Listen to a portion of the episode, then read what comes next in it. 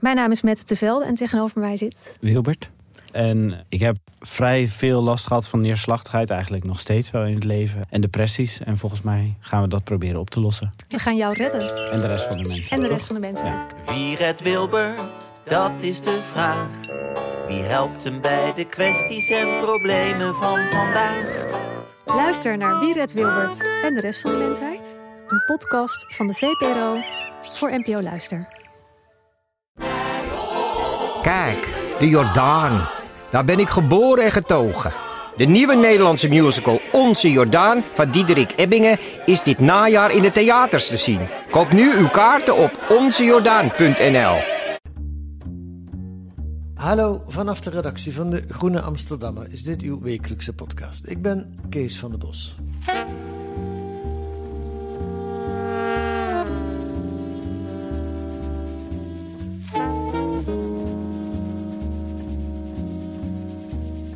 Op wie heb je de laatste keer gestemd bij de waterschapsverkiezingen? Weet je dat nog? Nou, ik weet het niet meer. Weet jij het nog, Kim? Volgens mij heb ik gewoon hetzelfde ingevuld als met de provinciale staten.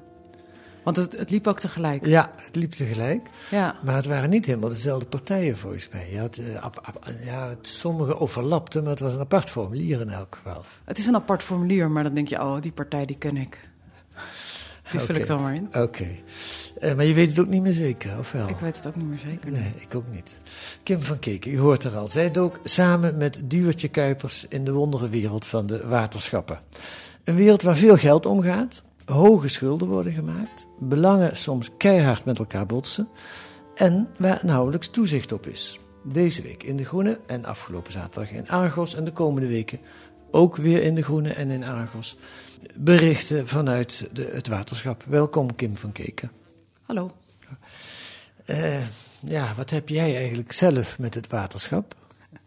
Helemaal niets. Want eigenlijk hebben Diewertje en ik gewoon besloten om de meest saaie bestuurslaag van Nederland eh, te gaan onderzoeken. Ja, Ehm, maar juist omdat, wat je net ook zei, we kiezen ervoor, uh, wekt het toch wel nieuwsgierigheid van wat gebeurt daar nou helemaal. waarom heb je er bij het gaan doen? Waarom? Omdat we al eerder keken naar nevenfuncties vooral eh, van politici. En dan met name in de Eerste Kamer. Eh Tweede Kamer hebben we later ook nog gedaan voor de Groene Amsterdammer. Dus eh, wat voor nevenfuncties hebben bestuurders, politici? En, en botst dat met hun dagelijkse werk als politicus? Ja. Of, of hè, dit zijn dan bijbanen vaak. En toen dacht je, welke bestuurslag hebben we nog niet gehad, waar dat ook kan botsen. En toen kwam je Ja. de waterschappen uit. Ja, precies. Ehm, maar je doet meer. Of is dat eigenlijk het hoofdverhaal? We zijn begonnen met die dataset. Ja. En daar zijn we wel eh, ieder twee maanden mee bezig geweest. Is ja, waarom is dat zo moeilijk? Vertel eens. Omdat we echt 640 bestuurders zijn nagelopen. Ehm, er zijn natuurlijk officiële registers die niet altijd op de site staan, die nagebeld moeten worden. Eh, en die officiële registers zijn verre van volledig. Ehm, Moet zo'n bestuurder in, in de Eerste Kamer, Tweede Kamer, moet je het melden hè, als, Ja. eh, als parlementslid? ja, Geldt dat ook voor de bestuurders bij het waterschap, dat ze het zelf moeten melden? het geldt zeker, ook voor de waterschappen. Alleen het probleem in Nederland is, is dat er nooit ergens een sanctie op staat als je dingen niet doet. Nee. Dus je kunt er niet op vertrouwen. Nee, absoluut niet. En Dus- jij weet nu inmiddels veel meer. En dat, dat klopt ook dat je er niet op kunt vertrouwen. Nee, je kan er absoluut niet op vertrouwen. Nee, we, we zijn, iedere bestuurder zijn we ook nagelopen via LinkedIn, de Kamer van Koophandel en andere registers, wat we nog konden vinden. Mhm. Ehm, nou, klein tipje van de sluier is dat er eh, 240 neeffuncties gewoon niet zijn opgegeven. Van de 2000 nog wat. Dus dat is echt gewoon uh, 10 En gaat het dan om conflicterende functies? Want dat is dan ook nog wel belangrijk, vind ik. Soms wel. Eh, nou is dat heel lastig te checken. Eh, er zijn heel veel waterschapsbestuurders die hebben adviesbureaus. Dat zijn eenpitters. De code schrijft voor dat je ook opschrijft wat je doet met je adviesbureau. Je bedoelt, die huren zo'n adviesbureau in voor een... eh, Nee, dat zijn ze zelf. Dus jij bent waterschapsbestuurder. Hè? Oh. Dat, doe je, dat doe je een paar uur per week. Ja. En daarnaast ben je, heb je een adviesbureau. Ehm, Ah, veel van deze adviesbureaus werken voor overheden, ook voor waterschappen. Ja, Alleen kan je dus niet zien of ze voor het waterschap waar ze ook bestuurder zijn werken. Want ze geven niet op wat voor soort opdrachten Hm. ze doen. nee. Ehm, nou, dat is echt een verschrikkelijke kluwe. Ja. zeg maar. ja. Is het erg Kom, eh, heeft het, bedoel, het mag niet misschien, of soms is het conflicterend, maar leidt het ook tot daadwerkelijke problemen? Het gaat over vertrouwen in bestuur. Dat is natuurlijk, hè, de nieuwe bestuurscultuur is een hot item op dit moment. Nou ja, Ehm, dan moet je niet bij de waterschappen zijn hè, voor de nieuwe Nee, bestuurscultuur. absoluut niet. Nee. nee, en het gaat erom dat je als burger, je kiest op deze mensen, je betaalt belasting, je betaalt waterschapsbelasting, dat zijn toch Ja. enkele honderden euro's, dat je kan zien wat deze mensen daarnaast doen en of er belangen conflicterend zijn. Dat moet Ja. gewoon transparant zijn. Ja. Daar komen we straks nog op terug op die vraag. Want dat speelt voor mij wel de hele tijd door mijn hoofd als ik, als ik jullie artikel eh, lees. Laten we eerst even vertellen wat het is, de waterschap. Het is de oudste democratie. Nou ja, of het een democratie is, dat moeten we nog maar zien. Maar de oudste, het is het, het polderoverleg eigenlijk. hè. Ja. Het stamt uit de 12e eeuw, 13e eeuw. Ja, Eh, dus nog voordat er parlementen en dat soort dingen waren, had je al waterschappen ja, duizenden. Eh, en het stamt uit van het idee, jij en ik zijn allebei boeren, we hebben een stuk land en er loopt een rivier in de buurt. En dan, is het, dan kun jij om jouw land een dijk zetten en ik om mijn land. En we kunnen ook samen om ons land een dijk zetten en dan vormen wij een waterschap. ja, precies. Het is echt samenwerken, zeg maar. Ja. Het is echt gewoon, eh, ja, het is, het is echt, dit, dit is echt de polder, hè, het polderoverleg Ja, waar Nederland zo beroemd om is. we hebben, we hebben ook gemeenschappelijk belang dat we eruit komen. Het is niet zo dat ik het- dat, dat, die dijk die we eromheen leggen, die is in ons allebei in beider belang. Absoluut. Dus Ja. we zitten niet als conflicterende partijen bij elkaar. En dat, ik zie jou schudden. Nou ja, kijk, er zijn natuurlijk heel veel dingen veranderd. Hè? Vroeger. Ja, ja, nee, eh, bij, bij, bij het begin. Ik snap, Ja, wel, ik begin, wel dat het ingewikkelder maar een wordt. dijk, een dijk kan je ook nog wel. ehm, waar zet je die dijk? Zet je dat door natuurgebied? En hoe verbreed je een dijk? En ehm, eh, eh, heb je er geld voor over om eh, het helemaal in te passen in het gebied? Ja. Of juist niet? Of ehm, geef je liever subsidie aan boeren om bestrijdingsmiddelen uit een landbouw? Dus er zitten, er zitten echt veel meer keuzes dan je denkt. Ja, ja. Het is een heel simplistisch. Het wordt ook steeds gezegd: hè? een dijk is niet links of rechts, water is niet links of rechts. Ja, Maar dat is het natuurlijk wel. Je, Ja. je maakt keuzes. ja, ja. Maar even nog over die de bestuurslaag zelf. Het waren er vroeger duizenden. Ja. Na de oorlog eh, vooral is er enorm gefuseerd. Nu zijn er nog 21. Ja, er waren in 1950 waren er eh, zo rond de 2600. Kijk. Ik zeg het al, eh, gewoon wel schrikt. Ja. Eh, en toen de watersnoodramp in Zeeland was uitgebroken, eh, of, eh, of uitgebroken, dat zeg je niet. Na de watersnoodramp in Zeeland Ja. had men besloten van we moeten meer samenwerken om echt die grote deltawerken en dat soort dingen voor elkaar te krijgen. Dus, dus het moest gewoon efficiënter worden. En, en, Ja. en nu zijn er eigenlijk 21 waterschappen over. En dat zijn gewoon echt. de kennis zit in het ambtelijk apparaat. Ja. Daar zit, daar zit de kennis. Dus Ja. niet meer bij eigenlijk dat bestuur. Wat Ja. ze wel altijd zeggen. Ja, dat zeggen ze wel altijd. En dat ambtelijk apparaat, dat is vrij groot. Heb je, hoeveel ambtenaren werken er voor de waterschap? Dat zou ik niet weten, eerlijk Gaat het om honderden of om duizenden? Of heb je echt geen idee? Ik denk wel duizenden. Het zijn eh, enorme kantoren. Ja, ja. Ik ken het, ben wel eens geweest bij de dijkgraaf eh, in Tiel, was dat volgens mij, van, van eh, Rivierenland. En toen stond ik van te kijken wat voor een enorm kantoor die man Ja. heeft. We hebben ook overwogen om nog in het vastgoed te duiken. Ja. Maar na twee maanden al die nevenfuncties zoeken, waren we even klaar met eh, speuren, zeg maar. Ja. Maar Ja. daar zit inderdaad, ze hebben enorme kantoren. Ben, je- zijn jullie, ben jij ook naar een vergadering geweest van het eh, waterschap? Nee, ik ga er wel eentje volgen, toevallig deze week. Oké, oké. Want het lijkt me ook wel interessant om, om eens te zien hoe dat gaat. Of, eh, Volgens mij is het echt wel taaie kost. Ik heb heel veel notulen bestudeerd. ja. Het gaat echt over pijlbesluiten. En Ja. dan is het redelijk... eh, eh, Chris Alberts heeft dat voor de Post Online gedaan. ja. Die was wel snel af... Of nou ja, die heeft het wel met interesse nog gevolgd, zeg maar. Maar het is vrij taaie stof. Ja, Theo Deschant Ja. heeft het gedaan eh, Ja. in, in een rivierenland. Ja. Ehm, Maar het is natuurlijk pas interessant als je iets langer volgt. Het probleem is als je één keer een vergadering binnenloopt, snap je er gewoon heel weinig van. Nee. Als je een jaar ergens zit, dan zie je natuurlijk hoe een dossier zich opbouwt. ja, ja. Dat is wat Deschamps heeft gedaan. Ja, ja dat, dat heeft Deschant gedaan. En, toch komt hij, na eh, een jaar daar rondgelopen te hebben, tot de conclusie, of conclusie, hij noemt het toch een beetje een operettegezelschap. Of, eh, hij vergelijkt het met een carnavalsvereniging. In de zin van, ze doen allemaal alsof ze besturen, maar wat doen ze eigenlijk? Wat, wat, wat is hij, eh, ze discussiëren niet. ze vormen geen, er vinden geen heftige belangen. Er vinden wel belangenafwegingen plaats, maar je ziet het niet gebeuren als je daar zit. Ehm, nou, die, die kwalificatie, operettegezelschap, wat vind jij daarvan? Ja, ik zou hem niet gebruiken. Kijk, elk waterschap is natuurlijk wel anders. Hè? Hij heeft bij Rivierenland gelopen. Ehm, ik geloof bij Limburg is er meer discussie. Dus, Mhm. eh, daar, eh, en, en volgens mij Hollands Delta is net een heel bestuur opgestapt. Oh ja? Eh, dat is het waterschap waar Jan Bonjer eh, leiding aan geeft. Als Jan- dijkgraaf, de, de oud oud- hoofdredacteur van het Financieel Dagblad. Oké, en welk waterschap is dat? Eh, uit mijn hoofd Hollandse Delta. Dus Ja. er spelen wel meer. Er spelen af en toe echt wel dingen. Alleen Ja. het is wel zo. Door die geborgde zetels is het een soort. ehm, als ik. Nou ja, ik, ik noem even boer omdat het echt vaak om boeren gaat. Maar als ik boer ben ergens en ik wil bij het waterschap, dan kom ik er ook wel in. Als Ja. ik gewoon bij LTO goede connecties heb.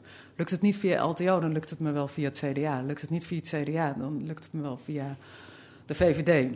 Ja. Het is, een, het is een klein netwerkje.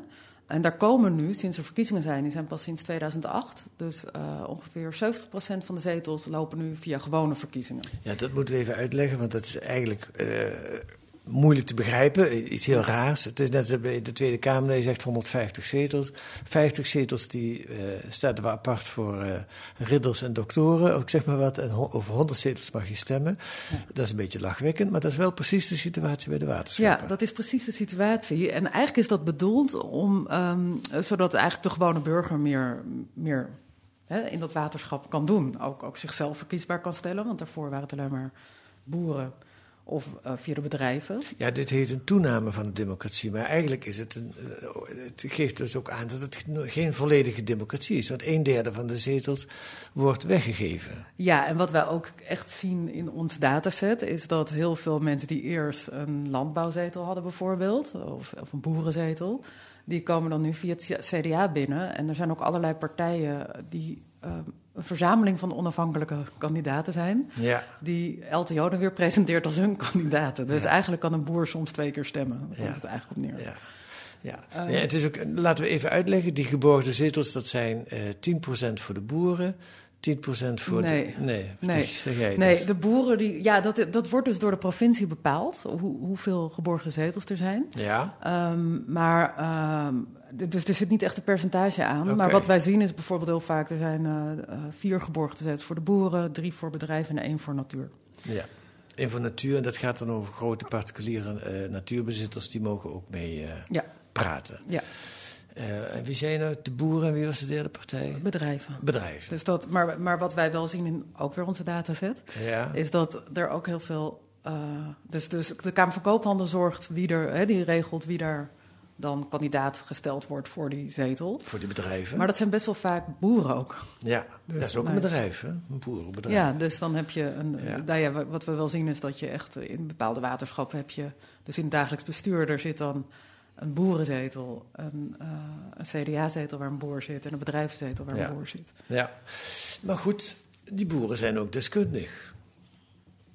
Ze zijn zeker ehm, gepassioneerd, de mensen die wij spreken. Eh, ze hebben zeker ook wel verstand van dingen, alleen ze hebben wel een bepaalde mening over hoe het moet, waar, waar misschien ook wel andere visies tegenover kunnen staan. Zij noemen eh, de ander vaak idealistisch. Het grappige is als je dan zegt van ja, maar jullie hebben ook idealen, dan, nou ja, dan blijft het heel lang stil. Ehm, maar er is natuurlijk gewoon echt wel verschil in, in hoe je naar dingen kijkt. Ehm, een boer die wil graag droge grond. Ehm, eh, dat, dat is logisch, want koeien moeten machine- droog staan of de landbouwmachines die, hè, die moeten, dus die, die willen die grond zo droog mogelijk. Maar, maar Ja. mensen die wat meer natuur, voor natuur zijn, die zouden eerlijk zeggen: we hebben natte grond nodig, want dat is goed voor de natuur. En voor, Nederland voor, verdroogd de laatste Nederland jaren. verdroogt Ja, en er verzakken ook huizen. ja, Ja. ja. Nou, dit is nou typisch een belangenconflict, denk Ja. ik. Hè? Je hebt de, de boeren die willen dat, dat eh, water zo laag mogelijk hebben. Tenminste, ook weer niet te laag, want de bloemkool moet ook wel groeien, maar wel laag. Huizenbezitters en mensen die, van de, die de natuur willen behouden, die willen dat grondwaterpeil omhoog. ja. Hoe gaat dat nou in zo'n waterschap? Nou, wat je merkte is dat de oude garde, dus, dus sinds 2008 zijn die verkiezingen gekomen. En, en, er Daarvoor was waren er geen verkiezingen, waren nee, het gewoon... Nee, het werd verdeeld benoemde- tussen bedrijven, pachters. Dat, Ja. dus dat zijn de grootgrondbezitters en ehm, bedrijven. En dan mocht de gemeenteraad nog een klein deel aanvullen met burgers. Ja. Zeg ik eventjes tussen, ik weet niet hoe dat eh, helemaal ging. Ja. Dat is ook weer per waterschap verschillend. Dat, Ja. is, dat maakt het af en toe wel eh, lastig uit te leggen, zeg maar. Ja. Maar sinds 2008 zijn de verkiezingen zijn er allerlei partijen bijgekomen. Ehm, en die stellen ook wel vragen, kritische vragen. Alleen, eh, ja, er zijn vaak bestuursakkoorden. eh, En die, sowieso zitten die geborgde zetels ook altijd in het dagelijks bestuur. Sowieso, dus boeren en bedrijven. Dus het is heel moeilijk om ertussen te komen. Ehm, ik sprak laatst met een ehm, bestuurder van een, van een soort oppositiepartij... en die wilde gewoon meer financiële controle. Dus die zei van, kunnen we niet een onafhankelijke accountant nog eens een keer ernaar laten kijken? En toen kreeg je een motie, nee, geen motie, maar een verklaring van afkeuring van de zittende bestuurder. Dus je moet je voorstellen dat, hij, dat, je moet je voorstellen dat eigenlijk eh, premier Rutte omzicht een verklaring van afkeuring zou geven. Ja, ja, ja. Want je hebt eigenlijk die... Het is echt, ja. Het- laten we dat ook even proberen te schetsen. Ik, ik heb het Theo Deschant horen schetsen van Rivierenland. Er zaten 30 mensen ongeveer bij elkaar. Hij zei dat is eigenlijk een soort gemeenteraad. En dan heb je de dijkgraaf, dat is eigenlijk een soort burgemeester. En dan heb je de hemelraden, dat zijn een soort wethouders. Maar nu komt het, bij de gemeenteraad doen de partijen na de verkiezingen... eh, sluiten een akkoord, zoals ook in het kabinet een akkoord. En dan gaan ze dat uitvoeren. Maar zo gaat het niet bij de waterschappen. Al die partijen samen... En vooral die, die, die dijkgraaf en hem, die sluiten een akkoord en daar gaan ze met z'n allen eh, achter staan. Wat die gemeenteraad of die, die eh, mensen in die vergadering dan nog moeten doen, wordt al een beetje schimmig eigenlijk. Nou, er zijn natuurlijk wel partijen die niet dat bestuursakkoord eh, ondersteunen. meedoen, ja. Maar die, hebben niet echt, die, die kunnen niet echt een, duik in een pakje boter slaan, zeg maar. Dat zijn de lastposten. voor- Dat zijn de, ja, en dat wordt ook wel gezien ehm, als echt gek als je daar eh pitten. Ja, dat hoor ik wel van mensen die een beetje vragen stellen daar. Die, die worden wel snel als lastpost gezien Ja, in zo'n bestuur. ja. Van ja, maar, en we merken het ook heel erg als journalisten. Als we gewoon dingen vragen, dan zeggen ja, maar zo doen we dat gewoon al heel lang. Ja. Maar nou even terug naar dat waterpeil, want dat vind ik wel een mooi punt. Hè? Heb je daar, hebben jullie daar met mensen over gesproken? In de zin van, Nee, die casus niet. We hebben vooral echt naar de financiën gekeken. Ja, dan ga ik het anders benaderen. Die, die, ehm, eh, wat, kijk, het is duidelijk een oude bestuursvorm. Het komt ook uit eh, de middeleeuwen. Het is niet echt democratisch. Jullie laten ook zien, dat vind ik ook nog wel interessant, dat ze enorme schulden maken. Er, zit, Ja. er, zit, er hangen hele grote schulden aan. Eh, goed, en dat is natuurlijk de vraag in hoeverre dat eh, verantwoord is of niet. Ehm, maar laat ik het een beetje van de zijkant aanvliegen. Wat, wat doen ze in jou, behalve dus dat je er een hoop aan kunt, op aan kunt merken vanuit democratisch oogpunt. Hè? Dat ligt voor de hand, die geborgde zetels al bijvoorbeeld. Hè? Maar wat doen ze fout? Wat zouden ze beter kunnen doen? Dus waarom, zouden we dat überhaupt, waarom is het überhaupt belangrijk dat we ons daarmee bezighouden? Nou, om te beginnen eh, vind ik een beetje ze, dat, dat klinkt van ze, doe maar wat of zo. Zo, zo, zo bedoel ik het ook echt niet. Nee, nee, nee. Ik, de- ik denk dat Den Haag een grove fout maakt door een soort polderallegaartje van gemaakt te hebben. Met een beetje geborgde zetels en een beetje gekozen. En dan mixen we dat een beetje door elkaar en we kijken er verder niet naar om. Eh, goed bestuur. Kijk, je kan, je kan voor twee dingen kiezen. Of je, of je maakt een democratisch orgaan en dan kiezen we allemaal. Ja. En dan is er gewoon normaal toezicht op en, en, en al dat soort dingen. Of het is gewoon een uitvoeringsinstantie. Ja. Maar, maar dit is een soort van, ja, het, het is het allemaal net niet. En, dat, dat, en het lastige is dat daardoor toezicht ontbreekt.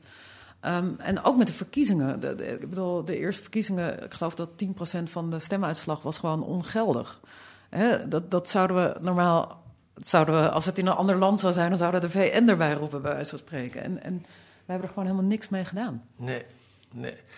Het, is, het, het lijkt, het beeld wat ik ervan krijg, een soort, eigenlijk is het een soort uitvoeringsorgaan. En die spelen alsof ze democratie zijn. Ja, maar ze zijn ook weer niet helemaal uitvoeringsorgaan, want ze heffen zelf belastingen. En dat gaat echt om veel geld. Ja. Ehm, want inderdaad, je kan zeggen, is het echt zo erg, die schulden en zo. Nou ja, weet je, het probleem is als die rente omhoog gaat, dan moeten wij meer gaan betalen. Ja. Omdat zij niet netjes op de centen passen. Dat, dat is wel ehm, een risico wat, waar we eigenlijk helemaal niet over praten. Nee. Hoeveel betalen we per jaar? 200, 300, 400? Bij het ene waterschap, bijvoorbeeld de Dommel, die, daar, daar hebben ze bijna geen dijken. Of daar hebben ze helemaal geen dijken, dus dan betaal je maar 200 nog wat. Ja. Ehm, Delftland betaal je 500. Dus dat, dat ligt er ook, het ligt er ook aan of je huurt of koopt. Ja. En niet alle dijken zijn ook weer van de waterschappen. Je hebt heel veel dijken zijn van de Rijkswaterstaat. Zeedijken. Het is allemaal Het enorm. is heel onderzichtig. Dat is Ja. echt, het is... Maar waarom het zo belangrijk is, echt, we betalen gewoon er geld voor. Het gaat over belangrijke zaken. Het gaat Ja. ook echt wel over fundamentele keuzes. Ja. Ehm, want de keuze of jij... Ja, is eh, dat wel zo? Hebben ze ook wel veel vrijheid? Het gaat om, in principe snap ik dat, het gaat om fundamentele keuzes. Maar heel veel van die keuzes worden op Europees niveau of op nationaal niveau gemaakt. En dan komt het pas bij het waterschap. Dus hoe groot is de vrijheid van het waterschap om die belangrijke keuzes te beïnvloeden? Nou, dat grondwaterpeil vind ik vrij fundamenteel. Zeker als dat ook verdroging en eh, verzakking van huizen met zich meebrengt. En dat mag het waterschap beslissen. Nou ja, die besluiten dus hoe hoog dat peil wordt, ja. Ja. Via die peil besluiten. Dus Ja. dat lijkt mij wel eh, redelijk fundamenteel. Ja. Ehm, Dat is eigenlijk de kern van wat ze doen. Hè? Dat is heel, een heel belangrijk deel van hun werk. Om dat grondwaterpeil ja, op peil te houden door de seizoenen heen. ja, dus dat, ja, ja, je kan zeggen, het zal maar wel. Ja. Ehm, maar ook gewoon keuzes. ehm, kijk, ze zijn natuurlijk bezig met. Ze, ze zuiveren ook water, hè, rioolwater. En er Ja. moeten heel veel medicijnresten uitgezuiverd worden, omdat dat plassen we allemaal uit en zo. Maar er is ook een gedeelte, het oppervlaktewater, waar heel veel eh, ja, bestrijdingsmiddelen in komen eh, vanwege boeren. Ja. Eh, via de waterschappen worden er gewoon heel veel subsidies gegeven aan boeren om, om te innoveren, om die bestrijdingsmiddelen eruit te krijgen. Daar kan je voor zijn, hè? Dat, is een politieke, dat, dat is nou politiek. Maar je kan ook zeggen, ja, we moeten eigenlijk boeren beboeten die, dat- die, die, de- die dat vervuilen. Dus ehm, ehm, het is zo grappig, want steeds zeggen ze in de waterschappen... ja, er zijn geen politieke keuzes, maar dit is natuurlijk echt wel een keuze die je kan maken. Ja, ja. Nu ligt er een voorstel van Laura Bromet van GroenLinks om eh, aan die eh, geborgde zetels een eind te maken. Om het helemaal democratisch verkiesbaar te maken. Ehm, ja, wat, zou je de- wat vind je daarvan? Wat vinden ze er bij de waterschappen van? Laat ik het zo vragen. want Bij de waterschappen, nou, die zijn tot op het bot verdeeld natuurlijk. Want degenen die eh, nu erin gekozen zijn, die zullen voor zijn. En de geborgde zetels zijn natuurlijk enorm tegen. Dus er, eh, er komt op dit moment een enorme lobby op gang via VNO, NCW en de LTO. Ja, VNO-NCW, de werkgevers zitten er ook heel sterk in. Ja. hè? Waarom eigenlijk? Omdat ze de belangen van de bedrijven. Die hebben de belangen van de bedrijven. Maar wat is een bedrijfsbelang? Die zijn bang dat ze onder water komen te staan? Dat, maar je kan ook denken aan eh, grote bedrijven die. ehm, we hebben bijvoorbeeld Royal Cozoen, dat is van de suiker, de oude suikerunie. Dat Ja. zijn de bietjes. Ja. Ehm, eh, bij de processen voor suiker komt er heel veel vervuild water vrij. Dat moeten ze kwijt. Ja. En daarvoor hebben ze gewoon wel de waterschappen nodig. Dus, dus er zit ook wel meer belang dan alleen eh droge voeten voor bedrijven, maar ook gewoon. Eh, ik zei een keertje tegen Diewertje, het lijkt wel alsof iedereen die daar zit van stofjes af moet. Hoe bedoel je? Ja, weet je, ja, bietjes, eh, boeren hebben mest. ehm, want dat is ook, god, daar hebben we niet eens tijd gehad om in te duiken, maar dat, dat hele mestfraude-probleem, Mhm. dat is iets waar de waterschappen ook naar zou, zouden moeten kijken, maar wat, wat, wat, wat nauwelijks gebeurt. En waarom zouden ze naar moeten kijken? Ja, waarom, dat weten we niet. Maar dit is gewoon, eh, de, eh, NRC heeft daar natuurlijk echt een hele goede Ja. weeks over gehad. Ja. Toen is er besloten van, nou, nu gaan we echt het aanpakken hè, met het OM, eh, de provincies en de waterschappen. En ik geloof dat 0,001% is gecontroleerd uiteindelijk. Dus Ja. dat gebeurt gewoon niet. Nee. Dat was wel één ding die we ook, ja, weet je, dat is met de waterschappen. We hadden zo'n lijst met dingen die je kunnen uitzoeken. Mhm. Op een gegeven moment moet je stoppen. Maar dit, dit is echt nog wel een, eh, een haakje, zeg maar. Ja. Ik denk, ja, Oké, ehm, nou, we naderen alweer het einde van dit gesprek. Eén artikel deze week, dat gaat vooral over dat, die borging en die schulden en, en beschrijft de geschiedenis. Er komen nog twee artikelen aan. Wat kun je al, eh, eh, hoe kun je ons al lekker maken? Nou, volgende week gaat het echt over het boerenbelang. Ehm, en we onthullen dan ook hoeveel boeren er nou echt in het waterschap zitten. Ja. Dus niet via de officiële registers, maar eh, met ons, ons eigen onderzoek erbij. En dat is meer dan de geborgen Meer dan tot nu toe. eh, je had de commissie Boelhouwer trouwens, die, eh, een staatscommissie die onderzoek deed naar de geborgde zetel en heeft geadviseerd om ze af te schaffen. Ja. Dat is eh, in een la van de minister verdwenen na Maar die was dat ook weer? Het is 2020. Ja. En die stelde dat eh 10% van de bestuurders boer zijn. Ja. Ik kan nu al vertellen, dat zijn er meer. Ja. Ja. En daar ben je achter gekomen door gewoon te- naar die mensen te kijken en welke functies Ja. ze allemaal hebben. Ja, nou ja, gewoon, dat was Het wordt gewoon het was is wel- door enorme We hebben echt gehuild, gevloekt en eh, ik ben zes keer met het project gestopt. Echt waar? Nou, het is gewoon echt wel heel saai en, en, en geestdodend eh, invulwerk gewoon.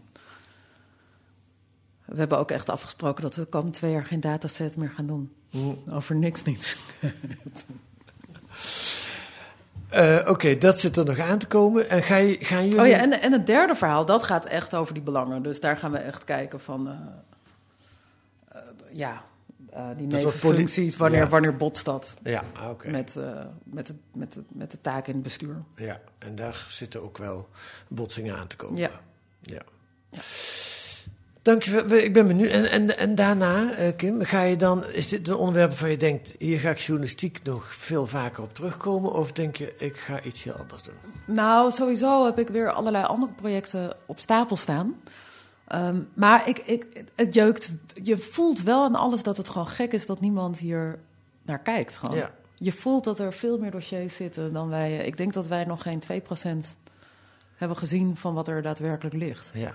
Dus dat, dat, dus dat, nou ja, ik weet niet of ik degene ben die dat gaat doen, maar ik zal het wel eh, heel veel journalisten aanraden om vooral wel in die waterschappen te gaan duiken. Ja, maar daar gaat gewoon... Daar gaan miljarden in om. Ik geloof Ja. 3 miljard per jaar. Ja, dat 3 ze miljard aan belastinggeld. Ja.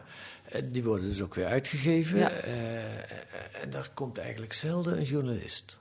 Nooit, denk ik. Of nou, nee. Ik, Ja, die Theo Deschamps dan, een paar jaar geleden. ja, ik vond trouwens wel prachtig dat hij ook in zijn boek beschreef dat hij voor het eerst bij een commissievergadering zat, een openbare commissievergadering. Dus dat is voor iedereen toegankelijk. En dat ze, eh, dat ze eerst zeiden: er zit een journalist, heeft iemand daar bezwaar tegen? Toen dacht ik, eh, zo, dus dat, dat zegt heel veel over de. Ja, ze zijn het. Nee, de- er zit echt niemand. Bij de Tweede Kamer begint de voorzitter nooit met die vraag. Het kan zijn dat er journalisten bij zijn. Nee, zijn er heeft iemand bezwaar tegen? Ja. Nee. Goed, eh, we gaan het lezen, Kim. Eh, Kim van Keken en Diewertje Kuipers, jouw collega. Ja, namens Spitten, ook een onderzoekscollectief. Ja, namens Spit en ook namens met Argos samen en met lokale media Ja, samen. we gaan ook met hè? lokale media. Ja. Gaan we nog, ja. Dankjewel voor dit gesprek.